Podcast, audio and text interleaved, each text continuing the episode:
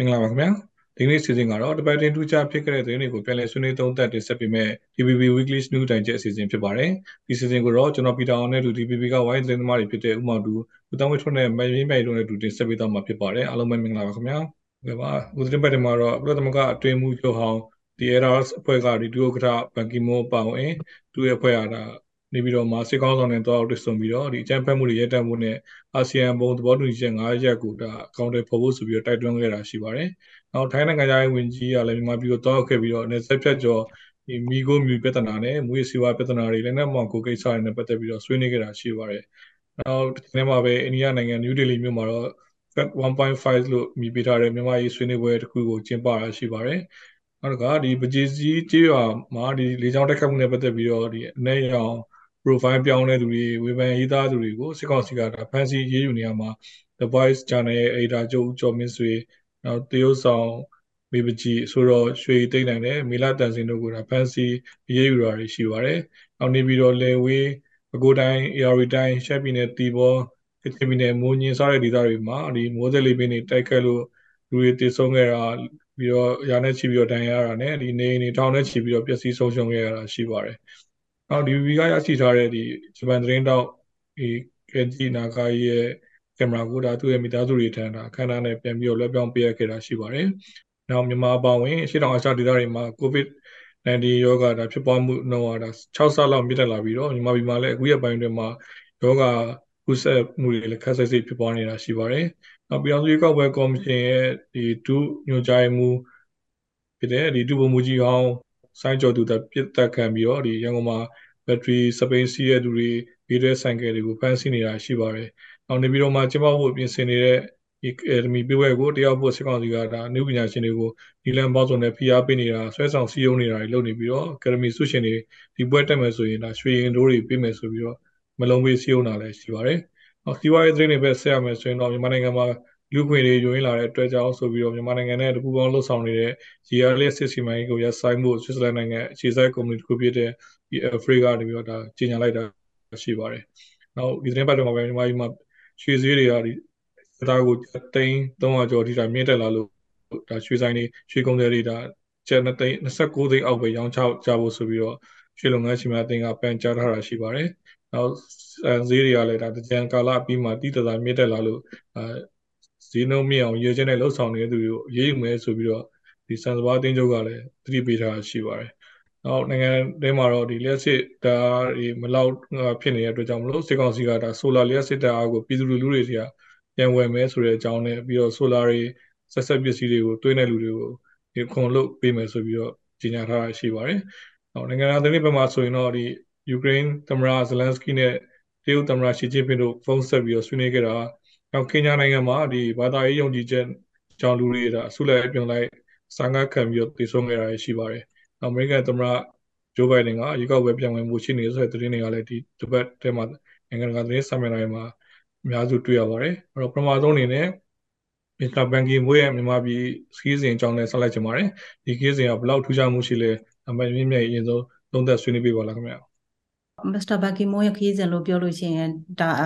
အာဒါနဲ့ပတ်သက်ပြီးလို့ရှိရင်တော့ဟာလာမစ္စတာဘဂီမွန်ကလာတာလာဒီကဖိတ်တာလာဒါနဲ့ပတ်သက်ပြီးတော့မျိုးမျိုးပြောနေကြတာတွေတော့ရှိပါတယ်ကျမတို့အဲ့အပိုင်းတော့မဆွေးနွေးတော့ပါဘူးအဲ့တော့အခုဘယ်ကစပြီးတော့ဆွေးနွေးမလဲဆိုလို့ရှိရင်မစ္စတာဘဂီမွန်မြန်မာပြည်ကနေပြီးတော့ပြန်သွားတဲ့အချိန်မှာသူထုတ်လိုက်တဲ့ statement ပေါ့နော်အဲ့လိုသူ statement ထဲမှာပါရီပါလဲဆိုတော့ကျမတို့ဟိုကြည့်မယ်ဆိုလို့ရှိရင်ဘာသွားတွေ့လဲဆိုတော့ဒီအာဆီယံပုံသဘောတူညီချက်9ရက်ကိုအကောင့်တွေပေါ်ဖို့ဆိုတာသူပြောထားတာရှိတယ်နောက်ပြီးတော့ကုတာကုလလုံခြုံရေးကောင်စီကချမှတ်ထားတဲ့ resolution 266ကိုလိုက်နာဖို့ဆိုပြီးပြောထားတာရှိတယ်နောက်တစ်ခုကဒီဖန်စီထိမ့်သိမ်းခံထားရတဲ့နိုင်ငံရေးအကျဉ်းသားတွေအလုံးလွှတ်ပေးဖို့ဆိုပြီးပြောတာရှိတယ်ဟလာဒါမှစစ်ပြီးတော့ဆွေးနွေးလို့ရမယ်ပေါ့နော်နောက်တစ်ခုကဒါပစီကြီးလေချောင်းတိုက်ခိုက်မှုနဲ့ပတ်သက်ပြီးတော့သူတို့ဘက်ကဒါကိုချုပ်ချတယ်ဆိုတာမျိုးပြောထားတယ်အဲနောက်တစ်ခုပြောစင်နောက်တစ်ခုပြောတာကတော့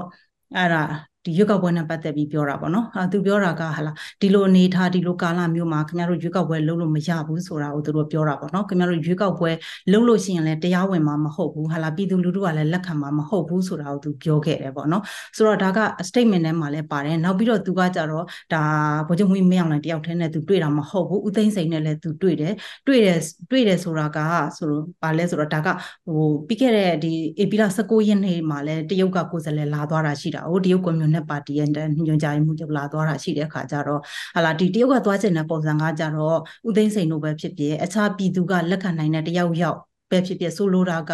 ဟာလာမလာမဟုတ်တဲ့မဟုတ်ရင်ပြည်သူကလက်ခံနိုင်တယ်ဆိုတဲ့စဉ်းစားတွေးခေါ်မှုနဲ့ဒီလှုပ်လာတဲ့အပိုင်းမှာဥသိမ်းစိန်တို့ကလည်းဟာကျွန်တော်တို့ရွေးကောက်ပွဲရွေးကောက်ပွဲလမ်းကြောင်းကပဲထွက်ပါမယ်ဆိုတာမျိုးဒါတရုတ်ကိုဂရိပေးလိုက်ပုံရတယ်အဲ့တော့ဒါကို ဒါနဲ့ဆက်ဆက်ပတ်သက်ပြီးတော့ပေါ့နော်ဒါပြန်သွားတဲ့အချိန်မှာမစ္စတာဘန်ကီမုံကတော့ဒါကလုံးလို့မရဘူးနော်ဆိုတဲ့သဘောကိုသူထုတ်ပြန်လိုက်တာလို့ထင်တယ်အဲလာတဲ့အကြောင်းတရားမှာလည်းဟလာဒီကဘာများပြောမလဲဆိုတာကိုသူတို့တိခောက်ရှင်တဲ့သဘောလည်းရှိတယ်။ဘာကြောင့်လဲဆိုတော့ဒီဒီဒီ elder အဖွဲ့ကအမှန်တိုင်းပြောလို့ရှိရင်တော့ဒီအနောက်နိုင်ငံတွေရဲ့ backup သူ့မှာရှိတယ်လေ။ဆိုလိုတာက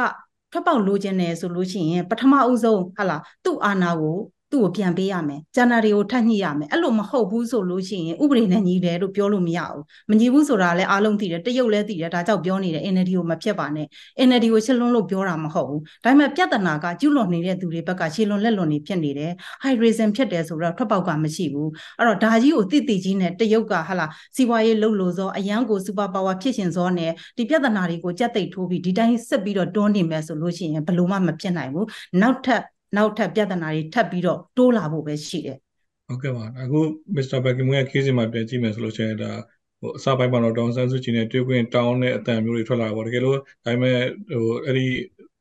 ကီးစင်ပြီးတော့ထုတ်ပြန်ချက်မှာကြည့်လို့ရှိရင်ဒေါန်ဆန်စုကြည်နဲ့ပတ်သက်တဲ့အကြောင်းအရာတွေလုံးဝပေါ်ပြထားတာမတွေ့ရဘူးပေါ့နော်အဲ့တော့နေပြီးတော့မှဒီစေကောင်းဆောင်တဲတဲ့ဖះကိုလာပူးပြီးတော့လက်ဆောင်ယူပြီးပြန်သွားတဲ့ခီးစင်တဲ့မပို့ဘူးဆိုပြီးတော့ဝေဖန်တာလည်းရှိပါတယ်။အော်ဒီခရစ်စတိုဖာကနက်ကဘာပြောလဲဆိုရင်တော့ဒီအာရှရဲ့ပူပေါ်လက်တဲ့ဒီမင်းအွန်လိုင်းစီကနေလက်ဆောင်ပစ္စည်းလက်ခံတာဟာဒီ error ဖွဲ့ကြီးရဲ့ဂုဏ်သိက္ခာကိုဒါ ပျက်စီးပြတာပဲဆိုပြီးတော့ပြောဆိုရလဲရှိပါတယ်။အဲ့တော့ NUG ဒီဆိုရရဲ့ယာယီသမရဒူဝလက်ရှိလာကတော့ဒါဘန်ကီမွန်းရဲ့ MRB ခီးစဉ်ကိုဒါပြင်းထန်တာကန့်ကွက်ရှုံချလိုက်ပြီးတော့နိုင်ငံတကာဇက်ခုံမှာလူမိုက်ကိုဒါပွဲထုတ်တာဖြစ်တယ်ဆိုပြီးတော့ဝေဖန်တာလည်းရှိပါတယ်။အဲ့တော့ဒီခီးစဉ်ဟာဘယ်သူတွေအများထွက်သွားလဲဘလို့အဲခီးစဉ်ဖြစ်မယ်ဆိုတော့ကိုတူဥမောင်တူအရင်ဆုံးမှတ်ချက်လေးတစ်ခုတော့ပြပါလားခင်ဗျာဆိုကျွန်တော်ဟိုလူဘိန်းတွေးနဲ့တွေးတာပေါ့နော်မာပြည်ပြည်သားတွေအမြင်တွေးတော့ သူကနံပါတ်1ကသူ့စစ်တပ်ကိုပြအာဟိကောင်နေဘန်ကီမွန်ကတော့ငါတို့လာတွေ့ရတယ်ပေါ့အဲ့လိုမျိုးပေါ့နော်သူတို့ဆက်ဆံတဲ့လူတွေကဟိုယူရိုတို့အမေရိကတို့ဆက်ဆံတဲ့လူမရှိဘဲနဲ့ရုရှားတရုတ်ပဲပေါ့နော်ဒီလိုအခြေအနေမျိုးမှာဟိုဘန်ကီမွန်ထုတ်တဲ့ဒီဟိုအင်္ဂလိပ်လိုကြေညာချက်ကိုစစ်တပ်ထဲလူတွေသိချမသိကြဘူးပေါ့နော်အဲသတင်းဌာနတွေကိုလည်းနားမထောင်အောင်ပိတ်ထားတဲ့အခါသူတို့မြဝတီရုပ်တံနဲ့ MRTV နဲ့ဒါတွေပဲကြည့်ခိုင်းပြီးတော့မှနံပါတ်1ကတော့သူ့ရဲ့ဟိုထဲပေါ့နော် ဒီစစ်တပ်နဲ့သူ့ရဲ့ထောက်ခံသူတွေကိုငါ့ဟိုဒီလိုမျိုးလာပြီးတော့ဘန်ကီမွန်းအောင်ကုလသမဂ္ဂအတွင်းချုပ်ဟောင်းအောင်တွေ့ရတယ်ဆိုတာပဲသူကဒါမျိုးလုပ်သွားတယ်အနေထားပေါ့နိုင်ငံတကာမြင်မှာလဲဒီလိုခေါင်းဆောင်ဒီလိုကြီးကြီးလူတယောက်ကနိုင်ငံတကာမှာတကယ်ကြီးမာစတာတယောက်ကဘလူဟောင်းတော့လူဟောင်းဒါတွေ့ရတယ်ဆိုတဲ့အမြတ်မျိုးပေါ့အဲ့ဒါမျိုးလောက်ကိုပဲကျွန်တော်တွေ့တယ်ဒီတဲ့ဟိုများများစစားတော့တွေ့ဟုတ်ကဲ့ကိုတော်တို့ရောတခြားအမြင်ရှုထောင့်ရှိနေဆွေးနွေးပေးပေါ့အော်ဟုတ်ကဲ့ကျွန်တော် ဟုတ်ကဲ့ကျွန်တော်တွေ့တာလေဒီဘန်ကီမွန်လာတယ်ကုလသမဂ္ဂ trade တွင်းမှုချုပ်လာတယ်သူကအဲ့ဒီပြီးခဲ့တဲ့ပင်လုံသဘောတူညီပင်လုံစာချုပ်ပေါ့နော်ဒီဒုတိယပင်လုံကိစ္စတွေမှာဒီအာလက်နဲ့အာဖြစ်ခဲ့ရစေကိစ္စတွေမှာ NCA ဆွေးနွေးပွဲတွေမှာလည်းသူကသက်သေအဖြစ်အာပါခဲ့ဘူးတယ်ပေါ့နော်အဲတော့ဒေါ်ဆန်စုတွေတက်ထက်ကလာခဲ့ဘူးတယ်နောက်ဘန်ကီမွန်အဲအနေနဲ့ကဒီသူ သူတို့ air task ဖွဲ့ရနေပြီးတော့ကြေညာချက်ထုတ်တဲ့အထဲမှာကျတော့ဒီစစ်ကောင်စီကမကြေညာတဲ့အချက်တွေပါနေတယ်စစ်ကောင်စီကကြေညာထားတာကပုံစံကဘန်ကီမွန်ကသူ့သူ့ကိုလာတွေ့ရတယ်သူတို့ဟိုပြောရရင် legitimacy အရာသူတို့အဲ့ဒီဘက်ကပဲယူတဲ့ပုံပေါ်တယ်ပြီးတော့ဒီအပြုသဘောဆောင်တဲ့ဆွေးနွေးမှုတွေလုပ်သွားတယ်ပေါ့လေဖြစ်ပေါ်တိုးတက်မှုတွေနဲ့ပတ်သက်ပြီးတော့အပြုသဘောဆွေးနွေးတုံးသက်သွားတယ်ဆိုပြီးတော့သဘောမျိုးပဲ ပြောတယ်ပြီးတော့လက်ဆောင်ပေးပေးတယ်နော်လက်ဆောင်ပေးတဲ့အကြီးကြီးကိုတပ်ပုံရိုက်ပြီးတော့ပြတယ်ဒါပေမဲ့ဒီ Adidas ဘွဲ့အကြီးညာချက်ထဲမှာကြတော့အဲ့လိုမဟုတ်တော့ဘူးဟိုအခုဖြစ်သွားနေတဲ့လမ်းကြောင်းကိုပြောင်းလဲပြဖို့အကြမ်းဖက်နေတာရက်ဆိုင်ဖို့ဆိုတဲ့ကိစ္စတွေပါတယ်ရွေးကောက်ပွဲဒီချိန်မှာရွေးကောက်ပွဲလုပ်ဖို့ဟိုမဖြစ်သင့်ဘူးဆိုတဲ့သဘောတွေပါတယ်နောက်သူပြောတဲ့ထက်မှာ exploratory ဆိုတော့သူအတက်နိုင်ဆုံးစ조사မယ်အခုတစ်ခေါက်သွားတဲ့ကိစ္စက explore လုပ်တာပေါ့နော်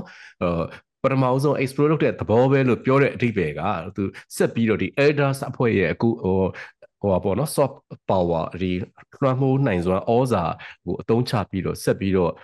စူးစမ်းအောင်မယ်ဆိုတဲ့သဘောမျိုးကျွန်တော်မြင်ရတယ်နောက်တစ်ခါဒီ main online နဲ့စကားစရဲ့သူရဲ့သတင်းထုတ်ပြန်ချက်အရာသူတို့မပြောချင်တဲ့ကိစ္စတွေအဲဒီ address ဖွဲ့ရချင်းညာထဲမှာပါတယ်ပြီးကြတဲ့ဟိုမှတ်မိမလားမသိဘူးဒီ knowledge hazer ကုလသမဂ္ဂဒုံလေးစာသွားတဲ့အချိန်မှာလဲကုလသမဂ္ဂကလူကြီးတယောက်လာပြီးတော့တွေ့ရပါသူ့ကိုလာတွေ့တယ်ဆိုတော့ပုံဖော်ဖို့စူးစမ်းတယ်သို့တော့ဒုံလေးစာပြန်ပြန်ထွက်သွားတဲ့အချိန်မှာကြီးညာလာကြတမျိုးဖြစ်နေတယ်ပေါ့နော်အဲ့တော့စစ်ကောင်စီကထုတ်ပြန်ကျင်တာကတမျိုးဘန်ကီမွန်ကထုတ်ပြန်တဲ့ elders ဖွဲ့ထုတ်ပြန်တဲ့အချက်ကတမျိုးအားလုံးခြုံကြည့်ရင်တော့အခု ဖြစ်နေတဲ့ကိစ္စကမဖြစ်တဲ့တော့ဘူးကဘာလုံးကနေလို့တိုင်လို့မရတော့ဘူးဆိုတဲ့သဘောမျိုးပေါ့နော်ဒီလူလူကြီးတွေပါမနေရတော့ဘူးပေါ့နော်ဟိုဒီရက်ရက်ကွက်ထဲမှာဒီပတ်ဝန်းကျင်မှာအိန္ဒိယတွေလည်းမနေရတော့ဘူးဆိုတဲ့သဘောဖြစ်တာပေါ့နော်အိန္ဒိယတွေမနေရဘူးဆိုတာကခုနဆိုဆက်ဆက်သွားရင်ဟိုအိန္ဒိယကဟိုအိန္ဒိယတို့ထိုင်းတို့ဟိုလာအိုတို့နဲ့ဆိုင်တဲ့ဒီ track 1.5ဆိုတဲ့ဟာနဲ့ဆိုင်တာပေါ့ကိုပြတာ track 1.5ဆိုလို့ဒီဟာနဲ့ပတ်သက်ပြီးတော့ဟိုမြန်မာရေးဆွေးနွေးပွဲနဲ့ပတ်သက်လို့ဟို ဘာတွေများထူးခြားရှိလဲဆွေးနွေးရရှိလဲအမှန်တကယ်မဲ့ဒါစုံစမ်းတာရှင်ပြပြပြပါဦး อืมဟုတ်ကဲ့ကိုကိုပီတာဆောစောကကျွန်မပြောတဲ့အထက်မှာပေါ့နော်အခုအဓိကတရုတ်ပေါ့နော်တရုတ်ကဒီအာဆီယံနိုင်ငံတွေကိုသူကလိုက်ပြီးတော့စီယုံနေတာပေါ့နော်လိုက်ပြီးညှိနေတာကြီးသူလုပ်နေတယ်ပေါ့နော်အဲ့ကိစ္စပဲအခုဒီဒီ elder ဒီ elder ဖွဲ့ကနေပြီးတော့ဒီစာမထုတ်ခင်တရက်လိုမှာဒီဧပြီလ24ရက်နေ့မှာလဲဟာလာဒီ new delhi မှာတရုတ်ရဲ့အိန္ဒိယရဲ့စက်ကောင်စီအဖွဲ့ဝင်တွေရဲ့ပေါ့နော်သူတို့ရဲ့ကြံပေးနေတဲ့လူတစုလို့ပြောမှာပေါ့ဗျာ new delhi မှာလျှို့ဝှက်အစည်းအဝေးသူတို့လုပ်ကြတယ်ဆိုတဲ့သတင်းတွေထွက်လာတယ်အဲဒါကအမှန်တိုင်းပြောရင်ဒုတိယအကြိမ်တောင်ဖြစ်နေပြီတဲ့ဒါပထမအကြိမ်ကသူတို့လုပ်ခဲ့တာထိုင်းမှာလုပ်ခဲ့တယ်ဆိုတာမျိုးသိရတယ်ပေါ့နော်အစိုးရတလောက်တော့ခေါင်းရင်းတော့ဆိုင်နေကြတယ်ပေါ့ရတလောက်တော့ပူပေါင်းကြံစီနေကြတယ်ပေါ့နော်ဒါကိုကြည့်လိုက်လို့ရှိရင်ဟာလာဒီအစည်းအဝေးမှာဆိုလို့ရှိရင်တရုတ်အိန္ဒိယထိုင်းဟာလာကမ္ဘောဒီးယားလာအိုဟာလာအာဆီယံတဲမှာရှိနေတဲ့ဒီခုလက်ရှိဥက္ကဋ္ဌအင်ဒိုနီးရှားတောင်မှပဲအဲဒီတာဝန်အင်ဒိုနီးရှားကတာဝန်ရှိသူတွေတောင်မှပဲဒီထဲမှာပါနေရဆိုတာမျိုးသတင်းကြားရတာပေါ့လေအဲ့တော့ဒီနေရာမှာစဉ်းစားစရာရှိတာက ဘာကြောင့်အင်ဒိုနီးရှားကပါနေရတာတလဲဆိုတာပေါ့နော်တရုတ်ကမလွန်ဆန်တဲ့အထက်မှာအင်ဒိုနီးရှားရောပါလာပြီလားပေါ့နော်ဆိုတော့ပြီးတော့ဒါက သူတို့လျှို့ဝှက်အစည်းအဝေးအနေနဲ့လုပ်ကြတာပေါ့ဆိုတော့အဲ့ဒီအခြေအနေကအခြေအနေတွေကတော့ချုပ်ချုပ်ထွေးထွေးပဲဟာလာအာကျမမြင်တာကတော့တရုတ်ကိုယ်တိုင်ကဒီစက်ကောင်စီကိုအသေးအံထွက်ပေါက်ထွက်ပေါက်လိုက်ရှာနေတယ်စက်ကောင်စီကိုအသေးအံထွက်ပေါက်ပေးခြင်းနေတယ်ဆိုတဲ့အနေအထားမျိုးမှာရှိတယ်အဲ့တော့ဒီထွက်ပေါက်ကလည်းပြောလို့ရှိရင်တော့ဒီအာနာရှင်တွေကဒီအာနာဆွန့်လွတ်စရာမလိုသလိုတစ်ဖက်မှာလည်းတရုတ်ကပို့ပြီးတော့ဩဇာကြီးထွားလာမဲ့ထွက်ပေါက်မျိုး ဟိုသူတို့လိုက်ရှာနေတဲ့သဘောရှိတယ်ပေါ့နော်ဆိုတော့နောက်ဒီအိန္ဒိယပေါ့နော်အိန္ဒိယပါပေါ့ပေါ်ပေါ်တင်တင်ပါလာပြီဆိုတဲ့အခါကျတော့ဒီတို့သူတို့ဆွေးနွေးတဲ့ထဲထဲမှာဘာတွေဆွေးနွေးတယ်ဆိုတာမသိမသိရပေမဲ့ဒါကစိုးရင်စရာတော့ရှိတယ်နောက်တစ်ခုကကျမတို့ဒီစကိုင်းဘက်မှာလည်းလက်နက်ကင်ဖွဲ့တွေရှိတယ်ဆိုတော့တတိထားရမယ့်အပိုင်းတွေကဖြစ်လာပြီဆိုတော့ချင်းအိန္ဒိယမှာတမိုင်းတစ်ခုရှိတယ်အရင်တော့ခိုင်ရစား ဆိုတော့ကခိုင်ရစာတော့ကလည်းဒီလိုပဲဒီစက်ကောင်စီနဲ့ပေါင်းပြီးတော့စက်ကောင်စီမဟုတ်ဘူးပေါ့အဲ့တုန်းကစက်တက်နဲ့ပေါင်းပြီးတဲ့အခါကျတော့ခိုင်ရခိုင်ရစာကိုအပြတ်ရှင်းခဲ့တာတွေရှိတယ်ပေါ့ဒီလိုရှိတယ်ဆိုတော့ဒါစကိုင်းဘက်ကအဖွဲ့တွေလည်းဒါနဲ့ပတ်သက်ပြီးတော့သတိထားရမယ်အပိုင်းလို့ထင်တယ်နောက်တစ်ခုကဒီ AP လ22ရက်နေ့မှာနေပြီးတော့မှဇက်တိုက်ပေါ့နော်ဒီရက်ပိုင်းနေမှာသူတို့ဆွေးနွေးပွဲတွေဇက်တိုက်လုပ်တယ်နေပြီးတော့မှထိုင်းနဲ့လုပ်တယ်ပေါ့နော်ထိုင်းနိုင်ငံကနေပြီးတော့ဒုတိယဝန်ကြီးချုပ်ပါလာတယ်နောက်ပြီးတော့ ဒီနိုင်ငံသားရေးဝန်ကြီးဌာနဝန်ကြီးပါလာတယ်ပေါ့အဲ့တော့တခါသူတို့နဲ့တွေ့တာကြီးလည်းရှိတယ်အဲ့တော့သူတို့ထုတ်ပြန်ချက်ထဲမှာကြတော့ဒီတရားမဝင်လက်နက်ကိစ္စလို့ပြောတယ်နောက်တစ်ခုကကြတော့ဒီမူရက်နဲ့လူကုန်ကူးမှုဟိုပပျောက်ရေးကိစ္စဆိုပြီးတော့သူတို့သတင်းထုတ်ပြန်ထားတာရှိတာပေါ့လေဆိုတော့ဒါကသူတို့ထုတ်ပြန်တာပေါ့လေဆိုတော့ဒီထက်လည်းပိုနိုင်တယ်ပေါ့နော်အခြားကိစ္စတွေလည်းရှိနိုင်တယ်အဲ့တော့အဓိကကတော့ဟာလာထိုင်းဘက်ကိုညှိနေတာကအဓိကတော့ PDF တွေကြီးကိုလက်နက်စည်းဝင် စီးဝင်တာကိုအဲ့ဒါတွေဝင်မခံမှုအဲ့ဒါတွေဝင်ရင်ဖမ်းမှုဆိုတာညညိတာတွေဖြစ်နိုင်တယ်နောက်တစ်ခုကကြတော့သူတို့လုံခြုံရေးရသူတို့သတ်မှတ်ထားတယ်သူတို့လိုချင်တဲ့သူတွေရှိလေရှိလိမ့်မယ်ပေါ့ဗျာဒီလူတွေဒီလူတွေဆိုတဲ့ဟာမျိုးတွေနဲ့ အနောက်ချက်တားစီပေးခြင်းတဲ့လူတွေလည်းရှိလိမ့်မယ်အဲ့တော့ဒါနဲ့ပတ်သက်ပြီးတော့တချို့သတင်းမီဒီယာတွေထဲမှာတော့အာဒီထိုင်းမှာရှိနေတဲ့ဒီချွေပြောင်းနိုင်ငံရေးနိုင်ငံရေးအရာထိုင်းကိုရောက်နေတဲ့ဒုက္ခတွေပဲဖြစ်ဖြစ်ပေါ့နော်ဒီလိုလူမျိုးတွေအနေနဲ့လည်းပို့ပြီးတော့ဒီအနေထားတွေပေါ်မှာသတိထားရမယ်ဆိုတဲ့ဟာမျိုးတွေကိုမီဒီယာတွေထဲမှာလည်းသုံးသပ်နေကြတာရှိတာပေါ့နော်အဲ့တော့ဒီအနေထားကိုကြည့်ချင်းအပြင်ပုံစံကတော့စက်တက်က သူ့မှာ PR တွေဘယ်လောက်များများအာနာကိုတော့လုံးဝလက်လွတ်မှာမဟုတ်ဘူးရတဲ့နည်းနဲ့ဆက်ကြိုးစားမယ်ဟလာအိန္ဒိယနိုင်ငံတွေနဲ့ပေါင်းမှုစီယုံနေတယ်ကြံစည်နေတယ်အဲ့နေရာမှာဟလာအိန္ဒိယနိုင်ငံအချို့ပေါ့နော်အာဆီယံနိုင်ငံအချို့ရဲ့အကူအညီနဲ့တရားဝင်ရဖို့ကြိုးစားနေတယ်ဆိုတဲ့ပုံစံမျိုးမြင်တွေ့ရတယ်ပေါ့နော်အဲ့တော့ကုလမှာကတော့သူကအတိမတ်ပြုခံရဖို့ဆိုတာကမဖြစ်နိုင်ဘူးဘာဖြစ်လို့လဲဆိုတော့အမေရိကန်ဘက်ကလည်းပြောထားတယ်အာဘာကြောင့်မှဒီရွေးကောက်ပွဲကိုလက်မခံဘူး လို့ပြောထားတယ်အဲ့တော့အမေရိကန်လက်မခံဘူးဆိုလို့ရှိရင်ဥရောပနိုင်ငံတွေကလည်းလက်ခံမှာမဟုတ်ဘူးအဲ့တော့အပြိုင်နေတဲ့အားပြိုင်နေတဲ့ပေါ့နော်အခုအချိန်ထိတော့ဟာလာအမေရိကန်ဘက်ကလည်းစက်ဝင်တိုက်တာမျိုးမလုပ်သလိုတရုတ်ဘက်ကနေပြီးတော့လည်းကူပြီးတိုက်ပေးတာမျိုးတော့မရှိသေးဘူးဒါပေမဲ့တခုရှိတာကတော်လှန်ရေးကိုအားနေအောင်ဆိုပြီးတရုတ်ကတော့နီလန်ပေါင်းစုံနဲ့စူးစမ်းနေတာရှိတယ်အခုအိန္ဒိယကလည်းဒီသဘောထဲမှာရောက်လာတယ်အဲ့တော့အဲအိန္ဒိယကတော့အဓိကတော့ကိုကိုကျုံကိစ္စနဲ့ပတ်သက်လို့ရှိရင်တရုတ်ကိုဟိုပေးသုံးလိုက်မှကြောက်လို့ဟာလား မဟာဗျူဟာအရာဆိုလို့ရှိရင်ဒါဒီစစ်တပ်ကိုကြိုက်ကြိုက်မကြိုက်ကြိုက်ပေါင်းထားရမယ်ဆိုတဲ့သဘောရှိတယ်ကိုကိုကျုံကိစ္စနဲ့ပတ်သက်ပတ်သက်ပြီးတော့သူတို့မှာဝါရီရှိတယ်သူတို့ရဲ့လုံခြုံရေးအရာဆိုစစ်တပ်ကိုသူကချော့ပေါင်းခြင်းတဲ့အနေအထားမျိုးရှိတယ်ဒါကြောင့်မလို့စစ်တပ်ကတောင်းဆိုတာတွေကိုသူ့ဘက်ကလိုက်ရောလာနိုင်တဲ့အနေအထားရှိတယ်အဲ့တော့အိန္ဒိယချင်းနေမကောင်းဘူးပေါ့ဗျာအမှန်တိုင်းပြောလို့ရှိရင်တရုတ်ကလည်းမကောင်းဘူးအခုအိန္ဒိယကလည်းစက်ကောင်စီနဲ့ပေါင်းနေတဲ့သဘောရှိတယ်ထိုင်းကလည်းဟိုလိုဟိုတစ်မျိုးတည်းတစ်မျိုးအမေရိကဘက်ကပြောလို့ရှိရင်အမေရိကတရုတ်ဘက်ကပြောလို့ရှိရင်တရုတ်စက်ကောင်စီနဲ့တွေ့ရင်စက်ကောင်စီအဲ့ဒီသဘောမျိုးဖြစ်နေတယ်အဲ့တော့ရုရှားကတော့တနည်းရုရှားကလည်းအဲ့လိုပဲတနည်းတစ်ပုံနဲ့ထောက်ပံ့နေတယ်ဆိုတဲ့အခါကျတော့ကျွန်မထင်တာကတော့တော်လှန်ရေးကတော့အနောက်ချက်တားစီတွေကတော့တော်တော်ရှိတယ်ဒါပေမဲ့အဲဒီတော်လှန်ရေးရရက်လို့လည်းမရဘူးဆက်သွားရလိမ့်မယ်ဆိုတာကိုလည်းဒီတော်လှန်ရေးမှာအပါဝင်နေတဲ့သူတွေအားလုံးကသဘောပေါက်တယ်လို့ကျွန်မထင်တယ်လေအဲ့တော့တစ်ဖက်ကတော့ဒီတော်လှန်ရေးကိုလှုပ်ဆောင်နေတဲ့လူစစ်ပြီးတိုက်ပွဲဝင်တဲ့လူတွေရှိနေတယ်လို့ဒီတော်လှန်ရေးကိုကူညီနေတဲ့လူတွေဘက်ကလည်းစစ်ပြီးတော့ကူညီနေရအောင်မယ်စစ်ပြီးတော့တိုက်ပွဲဝင်နေရအောင်မယ်လို့ကျွန်မကတော့ဒီလိုပဲမြင်တယ် ဟုတ်ကဲ့ပါကျွန်တော်ကမ္ဘာသတင်းတွေပဲဆက်ချင်ပါတယ်ဒီကမ္ဘာသတင်းစာမျက်နှာမှာဟောဒီတစ်ပတ်ထဲထူးခြားခြားပြောစရာဆိုစရာသုံးသပ်ဆွေးနွေးစရာရှိရင်ကိုတောင်းလို့ဆက်ပြီးတော့ပြပြပေးပါလားခင်ဗျာဟုတ်ကဲ့ကမ္ဘာသတင်းတွေကမ္ဘာသတင်းတွေမှာစိတ်ဝင်စားစရာရောအများကြီးပဲကျွန်တော်သတိထားမိတာတော့ဒီကျွန်တော်တို့ American သမ္မတအဖိုးကြီးပေါ့လေအဖိုးကြီးက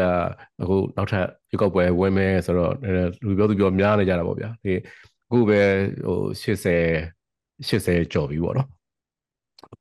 ဆိုတော့နောက်လာမယ့်နှစ်ရွေးကောက်ပွဲဆိုရင်သူက82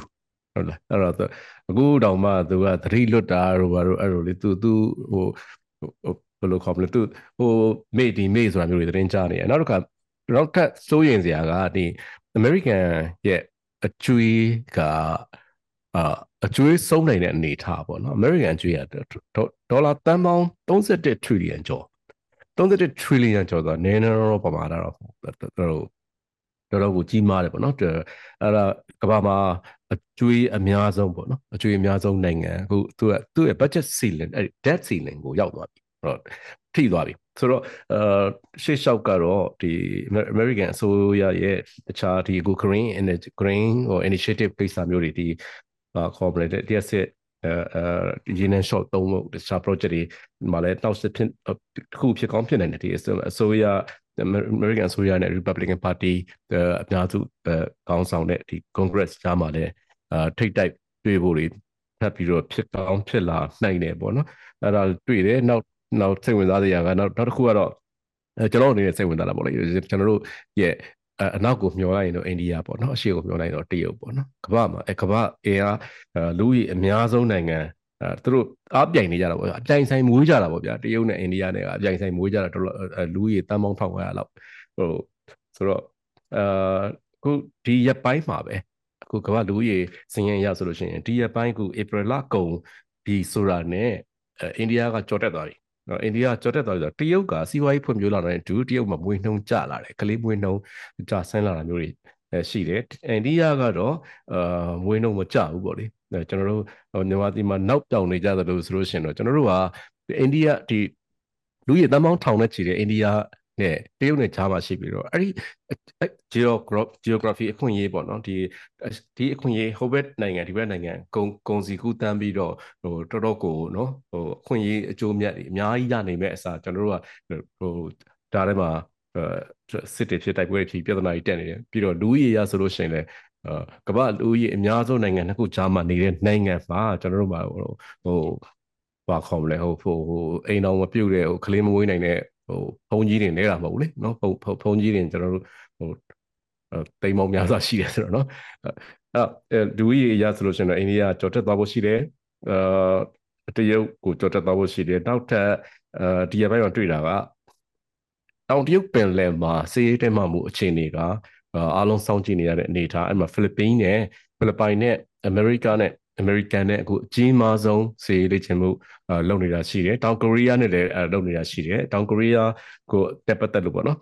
အမေရိကန်သမ္မတနဲ့အခုဒီနေ့ပဲတွေ့နေကြတယ်တောင်ကိုရီးယားသမ္မတနဲ့တွေ့တဲ့အခါကျတော့သူတို့မြောက်ကိုရီးယားကနျူကလ িয়ার လက်နက်တွေသုံးပြီးတော့တိုက်ခိုက်မယ်ဆိုရင်အဲ့လိုတိုက်ခိုက်ပြီးဆိုတာနဲ့မြောက်ကိုရီးယားရဲ့အစိုးရပြုတ်ကျတဲ့နေ့ပဲပြုတ်ကျတာပြုတ်ကျပြီပဲဆိုပြီးတော့ သမ္မတဘိုင်ဒန်ကအဲ့လိုမျိုးပြောတာတွေ့လိုက်တယ်ဆိုတော့တောင်ကိုရီးယားကျွန်းဆွယ်ကိစ္စတောင်တရုတ်ပင်လယ်ကိစ္စအဲ့ဒီသတင်းတွေတွေ့တယ်နောက်တစ်ခါဒီယူကရိန်းပေါ့နော်ဒီကမ္ဘာလုံးကစောင့်ကြည့်နေတဲ့ယူကရိန်းယူကရိန်းနဲ့ရုရှားနဲ့တိုက်ပွဲစစ်ပွဲဖြစ်နေတဲ့နေရာမှာတရုတ်ကသူတို့ဘာပြောလဲဆိုတော့တရုတ်ကသူမီးလောင်နေတာကို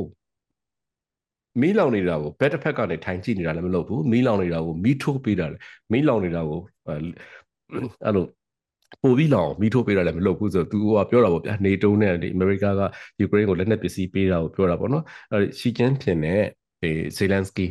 ယူကရိန်းသမ္မတဇေလန်စကီကိုဖုံးပြောတယ်ဆိုကျွန်တော်သတင်းတွေ့ရတယ်အဲ့လိုဖုံးပြောတဲ့အခါမှာအဲထူးကြတာတော့ယူကရိန်းဘက်ကပြန်ပြီးတော့တင်ပြတဲ့အချက်တွေရှိလိမ့်မယ်အဲတရုတ်ကပြောတဲ့12ချက်ပေါ့နော်တရုတ်ကပြောတဲ့12ချက်ကအခုလက်ရှိ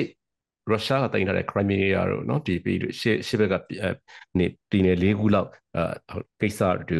ဟိုပြန်ပေးဖို့မပါဘူးတရုတ်ကပြောတဲ့အထက်မှာအဲယူကရိန်းဘက်ကတော့အဲဒီအဲဒီကိစ္စတွေပြန်ပေးဖို့ကိစ္စတွေဒီရုရှားတပ်တွေစုပ်ဖို့ကိစ္စတွေပါလိမ့်မယ်သို့တော့ဟိုအဆင်ပြေဖို့မရဘူးလို့ယူဆရတယ်ပေါ့နော်။နောက်ဒါပေမဲ့တရုတ်ဘက်ကခုရှိတယ်တရုတ်ဘက်ကအဲတခုခရီးပေးသွားတာကတော့အဲတရုတ်ဟာရုရှားကိုစစ်လက်နက်အကူအညီမပေးဘူး အဲ့ဒါ NATO ဘက်ကဝမ်တာစီယာယူကရိန်းဘက်ကဝမ်တာစီယာပေါ့လေတရုတ်ကရုရှားကိုစစ်လက်နက်အကူအညီမပေးဘူးဆိုပြီးတော့ပြောသွားတယ်ပေါ့နော်ဇေလန်စကီယူကရိန်းကိုပြောသွားတယ်ဆိုတော့ယူကရိန်းဘက်ကတော့အဲ့ဒီတက်ကတော့သူဝမ်းသာစရာရှိမယ်။သို့တော့တရုတ်တင်ပြတဲ့အချက်12ချက်ကယူကရိန်းစိတ်တိုင်းကြမဲ့အချက်မဟုတ်ဘူး။အဲ့တော့တရုတ်ကဒီဆော်ဒီအာရေဗျနဲ့အီရန်ကြားမှာပုံငိမ့်ငိမ့်ပွဲစားလုတ်နိုင်တယ်ဆိုတာမျိုးလောက်ထိတော့ မလွယ်ဘူးဆိုတဲ့သဘောတော့ရှိတယ်နောက်တစ်ခုကတချို့သုံးသက်သူတွေကဘာထင်ကြီးပေးနေလဲဆိုတော့ပြီးခဲ့တဲ့ရက်ပိုင်းကပဲတခုပွဲဆူသွားတယ်သိလားပွဲဆူသွားတယ်ဆိုတော့ပြင်သစ်ပြင်သစ်နိုင်ငံဆိုင်ရာတရုတ်တန်အမတ်ပေါ့လေဒီ TV ရုပ်တန်တစ်ခုမှသူကစကားတစ်ခုမှားသွားတယ်အဲ့ဒီတစ်ခုကဥရောပတစ်ခုလုံးတော်တော်ဆူညံသွားတာပေါ့လေဒီဆိုဗီယက်အင်ပါယာပြိုခွဲတဲ့အခါမှာနိုင်ငံအသစ်တွေအများကြီးပေါ်ထွက်လာတယ်အဲ့ဒီနိုင်ငံအသစ်တွေကဒီနိုင်ငံ14နိုင်ငံကဒီဆိုဗီယက်အင်ပါယာရဲ့သူတို့ရဲ့ဆို ဘယ်လိုလဲဟိုထိန်းချုပ်ခံလက်အောက်ခံလို့မယူဆကြဘူးသူတို့ကကိုယ်ပိုင်အချုပ်ချာအာဏာလို့ယူဆကြတယ်တိုးတော့အဲတရုတ်တရုတ်တန်မတ်ကအဲဒီပြင်သစ်နိုင်ငံဆိုင်ရာတရုတ်တန်မတ်ကသူလွတ်ခနဲ့ပြောလိုက်သလားဒါမှမဟုတ်သူ့ရဲ့ personal သဘောလားပါတီရဲ့သုံးသက်ချက်လို့ယူဆသလားအဲ့လိုမျိုးဇဝေသွားဖြစ်နေကြတယ်ဒီ14နိုင်ငံဟာအာတီးခြားအချုပ်ချာအာဏာပိုင်နိုင်ငံအဖြစ်မဟုတ် မဖြစ်နိုင်ဘူးเนาะအဲဆိုတဲ့သဘောမျိုးဘာသာဘာသာပြန်တဲ့ထဲမှာတော့ဟိုကျွန်တော်တို့အတိအကျတော့မသိရဘူးပေါ့လေဒီအဲတရုတ်ကနေဘာသာပြန်ပြီးတရုတ်ကနေပြင်တဲ့အလိုဘာသာပြန်ထားတဲ့အစဉ်စဉ်ဘာသာပြန်ထားတာဆိုတော့လေဒါပေမဲ့ဥရောပနိုင်ငံတွေကြားမှာတော်တော်လေးကိုဟိုတော်တော်ဟိုဝေဖန်စုညံသွားတယ်ပေါ့နော်အဲ့တော့ပြီးခဲ့တဲ့ရက်ပိုင်းကအဲ့လိုစုညံသွားတဲ့တရုတ်တန်မတ်ရဲ့သဘောထားပေါ့အဲ့ဒီမှတ်ချက်ကအဲအရင်တော့ဆိုဗီယက် Empower ထဲမှာပါဝင်ခဲ့တဲ့နိုင်ငံအသက်14နိုင်ငံရဲ့ကိုယ်ပိုင်အချုပ်ချာအာဏာကိုအတိမတ်မပြုသူ မှတ်ချက်ဟာသူ့ရဲ့ personal သူ့ရဲ့ကိုယ်ရေးကိုယ်တာသဘောသာဖြစ်ပါတယ်ဆိုပြီးတော့တိုင်ရင်ကစာထုတ်တယ်သို့တော့ဒီယူဆနေကြတာဒါပါတရုတ်ပါကွန်မြူနစ်ပါတီရဲ့အယူဆလည်းဖြစ်ကောင်းဖြစ်နိုင်သလားဆိုပြီးတော့အဥရောပခေါင်းဆောင်တော်တော်များများစိုးရင်တယ်အဲ့တော့အဲ့ဒီကိစ္စပွဲစုနေတာရက်ပိုင်းမှာပဲဟိုရှီချင်းဖင်နဲ့ဟိုစီလန်စကင်နဲ့ဟုံးစကားပြောကြတယ်ပေါ့လေအဲ့တော့အဲ့ဒီကိစ္စရှေ့ကကိစ္စကိုအာယုံလွှဲသွားစေခြင်းတဲ့သဘောများရှိသလားတကယ်တကယ်တမ်းယူကရိန်းနဲ့ ရုရှားစစ်ပွဲနဲ့ပတ်သက်ပြီးတော့တရုတ်ရဲ့လုံနိုင်တရုတ်ရဲ့ဟိုဘာပေါ့နော်နိုင်ငံရေးရဟိုတင်ញိုင်းပွဲသားလုံနိုင်ရဲ့အခြေအနေကအကန့်အသတ်တွေအများကြီးရှိနေမလားပေါ့နော်အဲ့ဒါမျိုးတန်တရားတွေမျိုးစုံတော့ရှိတယ်ဒါပေမဲ့ယူကရိန်းဇေလန်စကီကပြောတာကတော့နောက်ထပ်သူတို့ဆက်ပြီးတော့ဆွေးနွေးမယ်ပေါ့နော်နောက်ထပ်ဆက်ဆွေးနွေးမယ်ဆိုတော့ကျွန်တော်တို့တနည်းနဲ့ဘာသာပြန်ကြည့်မယ်ဆိုရင်တော့อืมသူတရုတ်ကပြောတဲ့အချက်ကိုယူကရိန်းကလက်မခံဘူးယူကရိန်းကပြောတဲ့အချက်ကိုတရုတ်ကလက်မခံသေးဘူး တရုတ်တရုတ်ရဲ့စနစ်ချက်ဟာလည်းယူကရိန်းစိတ်ကြိုက်မှုဖြစ်ဘူးဒီချိန်ထဲမှာပဲရုရှားကိုလက်နက်မပေးဘူးလို့ပြောတဲ့ဟာကပူတင်ရဲ့နှာနှုတ်ကိုဖျက်ရိုက်တဲ့သဘောမျိုးလဲတချို့တွေကတုံးသက်ကြတယ်အဲပူတင်အပေါ်မှာတရုတ်ကဘယ်လောက်သစ္စာရှိမှလဲပေါ့နော်အဲ့လောက်အဲ့လောက်သစ္စာရှိပါမလားဆိုတဲ့သဘောမျိုးလဲပြောကြတယ်ပေါ့နော်ကျွန်တော်ဒီဂျပန်သတင်းတော့ကန်ကြီးနာဂါရဲ့ကင်မရာနဲ့ပတ်သက်ပြီးတော့အကြောင်းအရာလေးလည်းကျွန်တော်ပြောပြချင်ပါတယ်ဒါကတော့လွန်ခဲ့တဲ့16နှစ်လောက်က ဒီရွှေအောင်တန်ခါရေးခင်းကာလမှာရန်ကုန်မှာသတင်းယူရင်းနဲ့စစ်တပ်ရဲ့ပြစ်ခတ်မှုကြောင့်ဒါပြေဆုံးသွားတဲ့ဂျပန်သတင်းတောက်နန်ကာရီသူနောက်ဆုံးသုံးပြုခဲ့တဲ့ကင်မရာကိုဒီပီကရရှိထားပြီးတော့အခုဒီတစ်ပတ်မှာပဲသူ့ရဲ့မိသားစုထံတာပဲပြောင်းပေးကန်နဲ့ပတ်သက်ပြီးတော့ဥမ္မာတူတာပြပြပြပါအောင်ခင်ဗျာကင်မရာပြန်ပေးအပ်တာနဲ့ပတ်သက်ပြီးတော့ပေါ့နော်အဲကျွန်တော်တို့ DVB ကနေပြီးတော့ဒီကင်မရာကိုဒီနာဂိုက်ရဲ့ညမကိုပေါ့နော်ဒီဘန်ကောက်မှာပေးအပ်ပွဲနေပေါ့ဗျာအဲကျွန်တော်တို့လုပ်ခဲ့ပါတယ်ဆိုတော့ ဒီဟာကိုပြောမယ်ဆိုလို့ရှိရင်ဒီရွှေရောင်2009တန်ခါအရေးခင်းကြီး16နှစ်ကိုလည်းပြန်မြင်တယ်လို့အဒီမှာသတင်းယူခွင့်နေမှာပေါ့နော်ဟိုသတင်းတောက်တွေကိုဖမ်းခဲ့တယ်အခုဆိုရင်နာဂိုက်ဆိုရင်ဒါပြစ်ဒတ်ခံရတယ်အဲတစ်ချိန်တည်းမှာပဲဟိုဒီစစ်တပ်အနေနဲ့မြန်မာပြည်စစ်တပ်အနေနဲ့ကသူတို့အမြဲတမ်းဒီသတင်းတွေကိုထိန်ချန်ပြီးတော့လိမ့်တယ်တယ်ဆိုတာလည်းပေါ်တော့တာကင်မရာတွေရဲ့ရှင်းမောက်ဓာတ်ပုံကင်မရာတွေဗီဒီယိုကင်မရာတွေ ယာနဲ့ကြည့်ပြီးတော့ဝိုင်းပြီးတော့ဒီပြင်းလွှာရိုက်နေရတဲ့အချိန်ကင်ဂျီနာကြီးကလည်းကင်မရာရိုက်နေတဲ့အချိန်မှာဟိုစစ်သားတယောက်ကဒီစစ်ကောင်စီဒီစစ်တပ်ကစစ်သားတယောက်ကဒီအုတ်ထုတ်မပါယူနီဖောင်းနဲ့သို့တော့ဖနက်ကဂရီဘာဖနက်အဲ့ဒီစစ်သားကနေပြီးတော့ဟိုတနက်နဲ့နှစ်ချက်လားသုံးချက်လားဒေါင်းမဒီတဲ့များလားရှင့်ပြစ်နေတာဟိုကျွန်တော်တို့ဟိုသတင်းတောက်တွေရိုက်တာကျွန်တော်တို့ TV ကလည်းအချိန်ချင်းပြပြီးပါတယ်အဲ့လိုပြနေပြခဲ့ရက်ကကင်ဂျီနာကကြီးက လဲသွားတယ်အဲသူသူကင်မရာလေးကိုမထိအောင်ပေါ့နော်သူကကင်နေကျွန်တော်တကယ်ခံစားရတာကိုကြည့်တယ်နောက်ပိုင်းမှာသူတည်သွားတယ်ပေါ့နော်သူတည်တဲ့တိုင်အောင်သူကင်မရာလေးကိုသူကဟိုမထိစေခြင်းနဲ့အာမျိုးနဲ့ပေါ့နော်သတင်းတောက်ပြီးသားဆိုတော့သူကဒီဆုံးသွားတယ်စစ်ကောင်စစ်တပ်ကပြစ်တတ်တာလည်းသိကြတယ်ဟိုနောက်နေ့ဘန်ကောက်ဖို့သတင်းစာကြီးမှာဆိုချိန်နေတဲ့ပုံရယ်ပြစ်လိုက်တဲ့ပုံရယ်လဲကြတဲ့ပုံသုံးပုံရှင်းနေတဲ့ပုံမှာထပ်ပြီးတော့ပြတာကျွန်တော်မှတ်မိတယ်အဲ့ဒီခါကျတော့ဒီဟာကိုပဲဒီသူတို့မဟုတ်ပါဘူးဆိုပြီးတော့စစ်ကောင် စစ်တပ်ကပေါ့နော်အကြည့်ညင်းတယ်ပေါ့အဲ့တော့နာဝတနာပါဆိုတော့ဒီဟာကိုမိသားစုကလည်းပြန်လိုချင်တဲ့ကင်မရာကိုအခု16နှစ်ကြာမှာကျွန်တော်ပြန်မလဲပေးရနိုင်တာပါဒီ26ရက်နေ့ကပေးရတယ်ဒီနိုင်ငံခြားသတင်းတော်များကလပ်ဘန်ကောက်မှာပေါ့နော် CPJ သတင်းသမားများကာကွယ်ရေးကော်မတီရဲ့ရှင်းမောက်မှာပဲကျွန်တော်တို့ jury ရဲ့ဒီဒီတာဝန်ရှိသောပုဂ္ဂိုလ်ဖြစ်တဲ့ဦးရေးချမ်းနိုင်ရနေပြီးတော့ကင်ဂျီနာဂါကြီးရဲ့ညမကိုပေးအပ်နိုင်လိုက်ပါတယ်ဆိုတော့ဒီကင်ဂျီနာဂါကြီးရဲ့ညမပြောသွားတာတော့ ဒီဟာကိုစစ်တပ်ကလည်းအကျဉ်းကြီးညင်းနေပေါ့နော်နာဝတနာဘလက်ရှိစစ်ကောင်စီအထိသူတို့လောက်တာမဟုတ်ဘူးဒါမတော်တဆမှုနဲ့ဖြစ်သွားတာပါဆိုတော့သေးတာပါဆိုပြီးတော့ညင်းခဲ့တယ်အဲဒီအထောက်အထားတွေအပြည့်စုံကြည့်နေပါရဲ့နော်ဗီဒီယိုကင်မရာရှင်းမှမလိမ့်တင်ကြလို့မရတဲ့ဥစ္စာကိုအမှန်တရားပေါ်ပေါက်အောင်လည်းလုပ်သွားမယ်လို့ပြောတယ်ဆိုတော့ဒါသတင်းကတော့ဒါပါပဲဒါပေမဲ့ကျွန်တော်တို့ DVB အနေနဲ့လည်းအဲ့ဒီတော့ကကျွန်တော်တို့ TV စလွှင့်တဲ့ကာလပေါ့နော်ဒီရွှေအောင်ဒေါ်လာရေးကြီးမှာသတင်းတွေယူနေရနေပြီးတော့ နောက်ဆုံးကီဂျီနာဂိုင်းမှန်သွားတော့မှသတင်းတော့တယောက်မှန်သွားတယ်ဟာငါတို့လူကြီးပြန်လားဆိုပြီးတော့တယောက်ယောက်မှန်သွားဆိုပြီးတော့ဝိုင်းပြီးစိတ်ပူခဲ့ကြတယ်နောက်ပိုင်းမှာမှကျွန်တော်တို့ DVB သတင်းတော့မဟုတ်ဘူးကီဂျီနာဂိုင်းဆိုတော့ကီဂျီနာဂိုင်းကပထမရက်တွေကလည်းသူလက်ရိုက်နေတဲ့တပ်ပုံနေတဲ့ဗီဒီယိုတွေကလည်းကျွန်တော်တို့ပြတဲ့ဗီဒီယိုတွေထဲမှာတန်ခါးကြီးဆန္ဒပြတဲ့ထဲမှာသူကရောပါတယ်ပေါ့။အော်ဒီလူကြီးထိပါတယ်တည်တဲ့အချိန်မှာအသက်50ပေါ့နော်။ဒီ APF APF သတင်းတော့ပေါ့ဂျပန်တော့ AFP တဲ့အောင်မားတယ်ဆိုတော့သူပါဆိုလို့ရှိရင်ကကြီးနဂါရဆိုရင်ဒီအာဖဂန်နစ္စတန်တို့တကယ်စစ်မြေပြင် ဖြစ်နေတဲ့နေရာတွေမှာလည်းစစ်သတင်းတွေဒုက္ခတွေသတင်းတွေကလေးတွေဒုက္ခရတဲ့သတင်းတွေပို့ခဲ့တဲ့တကယ်ရဲတော့သတင်းတော့တယောက်ပါအဲ့တော့ဒီသူ့ရဲ့ဟာကိုသူ့ရဲ့ကင်မရာကို16နှစ်ကြာမိသားစုကိုပြန်ပေးလိုက်နိုင်ပါတယ်အမှတ်တရပါပဲဟုတ်ကဲ့ဟုတ်ရကျွန်တော်ကြားတာလေဂျပန်သတင်းတောက်ဂျပန်သတင်းတောက်တွေတိုင်ဝမ်ကကြားပြန်ကြားတာပေါ့နော်ဂျပန်တနိုင်ငံလုံးကတော်တော်လေးကိုစိတ်ခံစားချက်တွေပြန်ဖြစ်ကြတယ်ပေါ့နော်သူ့ရဲ့ဟိုဘယ်လိုကောမလဲဒီအယုတ်ကဘယ်တော့ဘယ်တော့မှမတွေ့ခဲ့ရအောင် ဒီသူသူ့ရဲ့ကင်မရာထဲမှာသူရိုက်ခဲ့တဲ့နောက်ဆုံးအချိန်ထိပေါ့နော်နောက်ဆုံးရိုက်ခဲ့တဲ့သူအသက်ထွက်ခံနေအာစက္ကန့်ပိုင်းအလိုအထိပေါ့ရိုက်ထားတာလေသူကသူကင်မရာကိုကြည့်ပြောတယ်ပြောပြီးတော့သူကင်မရာကိုသူကလူတွေဘက်ကိုလက်ညှိုးထိုးပြီးတော့ပြောပြတယ်ဒီလူတွေပြီးတော့တော်တော်များများ အဲဒီအဲဒီမိုကရက်တစ်မြန်မာတိုင်ကိုလည်းကျေးဇူးတင်နေဆိုတာမျိုးကျွန်တော်ဂျပန်တိုင်းတော့တိုင်ဝမ်ကြီးကလည်းကြားရတယ်သူတို့စိတ်ခံစားချက်တွေလည်းအဲ့လိုစိတ်မကောင်းဘူးပေါ့နော်တော်တော်အဲ့လိုမျိုးခံစားချက်တွေအသက်ပြန်တစ်ဖန်ပြန်ဖြစ်တယ်မျိုးတွေ့ရတယ်ပေါ့နော်နောက်ဆုံးစက္ကန့်မသေးခင်လူတယောက်ရဲ့နောက်ဆုံးစက္ကန့်ရုပ်ကိုပြန်မြင်လိုက်ရပထမဆုံးပြန်မြင်လိုက်ရတာပေါ့လေအဲ့လိုမျိုးပြောကြတယ် ဟုတ်ကဲ့ပါကျွန်တော်လာမယ့်သတင်းပတ်တွေမှာလည်းဒီမြန်မာနဲ့ကမ္ဘာမှာအချိန်နဲ့မှဖြစ်ပျက်နေတဲ့သတင်းတွေပတ်သက်ပြီးတော့ဆက်လက်ဆွေးနွေးဖို့ရှိတဲ့အကြောင်းပြောပြရနေမယ်ဒီတစ်ပတ်စီစဉ်ကိုဆုံးသက်လက်ပြစီခင်ဗျာဒီစီစဉ်မှာပေါင်းဆွေးနွေးပြခဲ့ကြတဲ့ DPB ကတော့အားလုံးကိုရောချစ်ရွာပေးကြတဲ့ DPB ပေးသက်တွေအားလုံးကိုလည်းကျေးဇူးတင်ရှိပါတယ်ခင်ဗျာ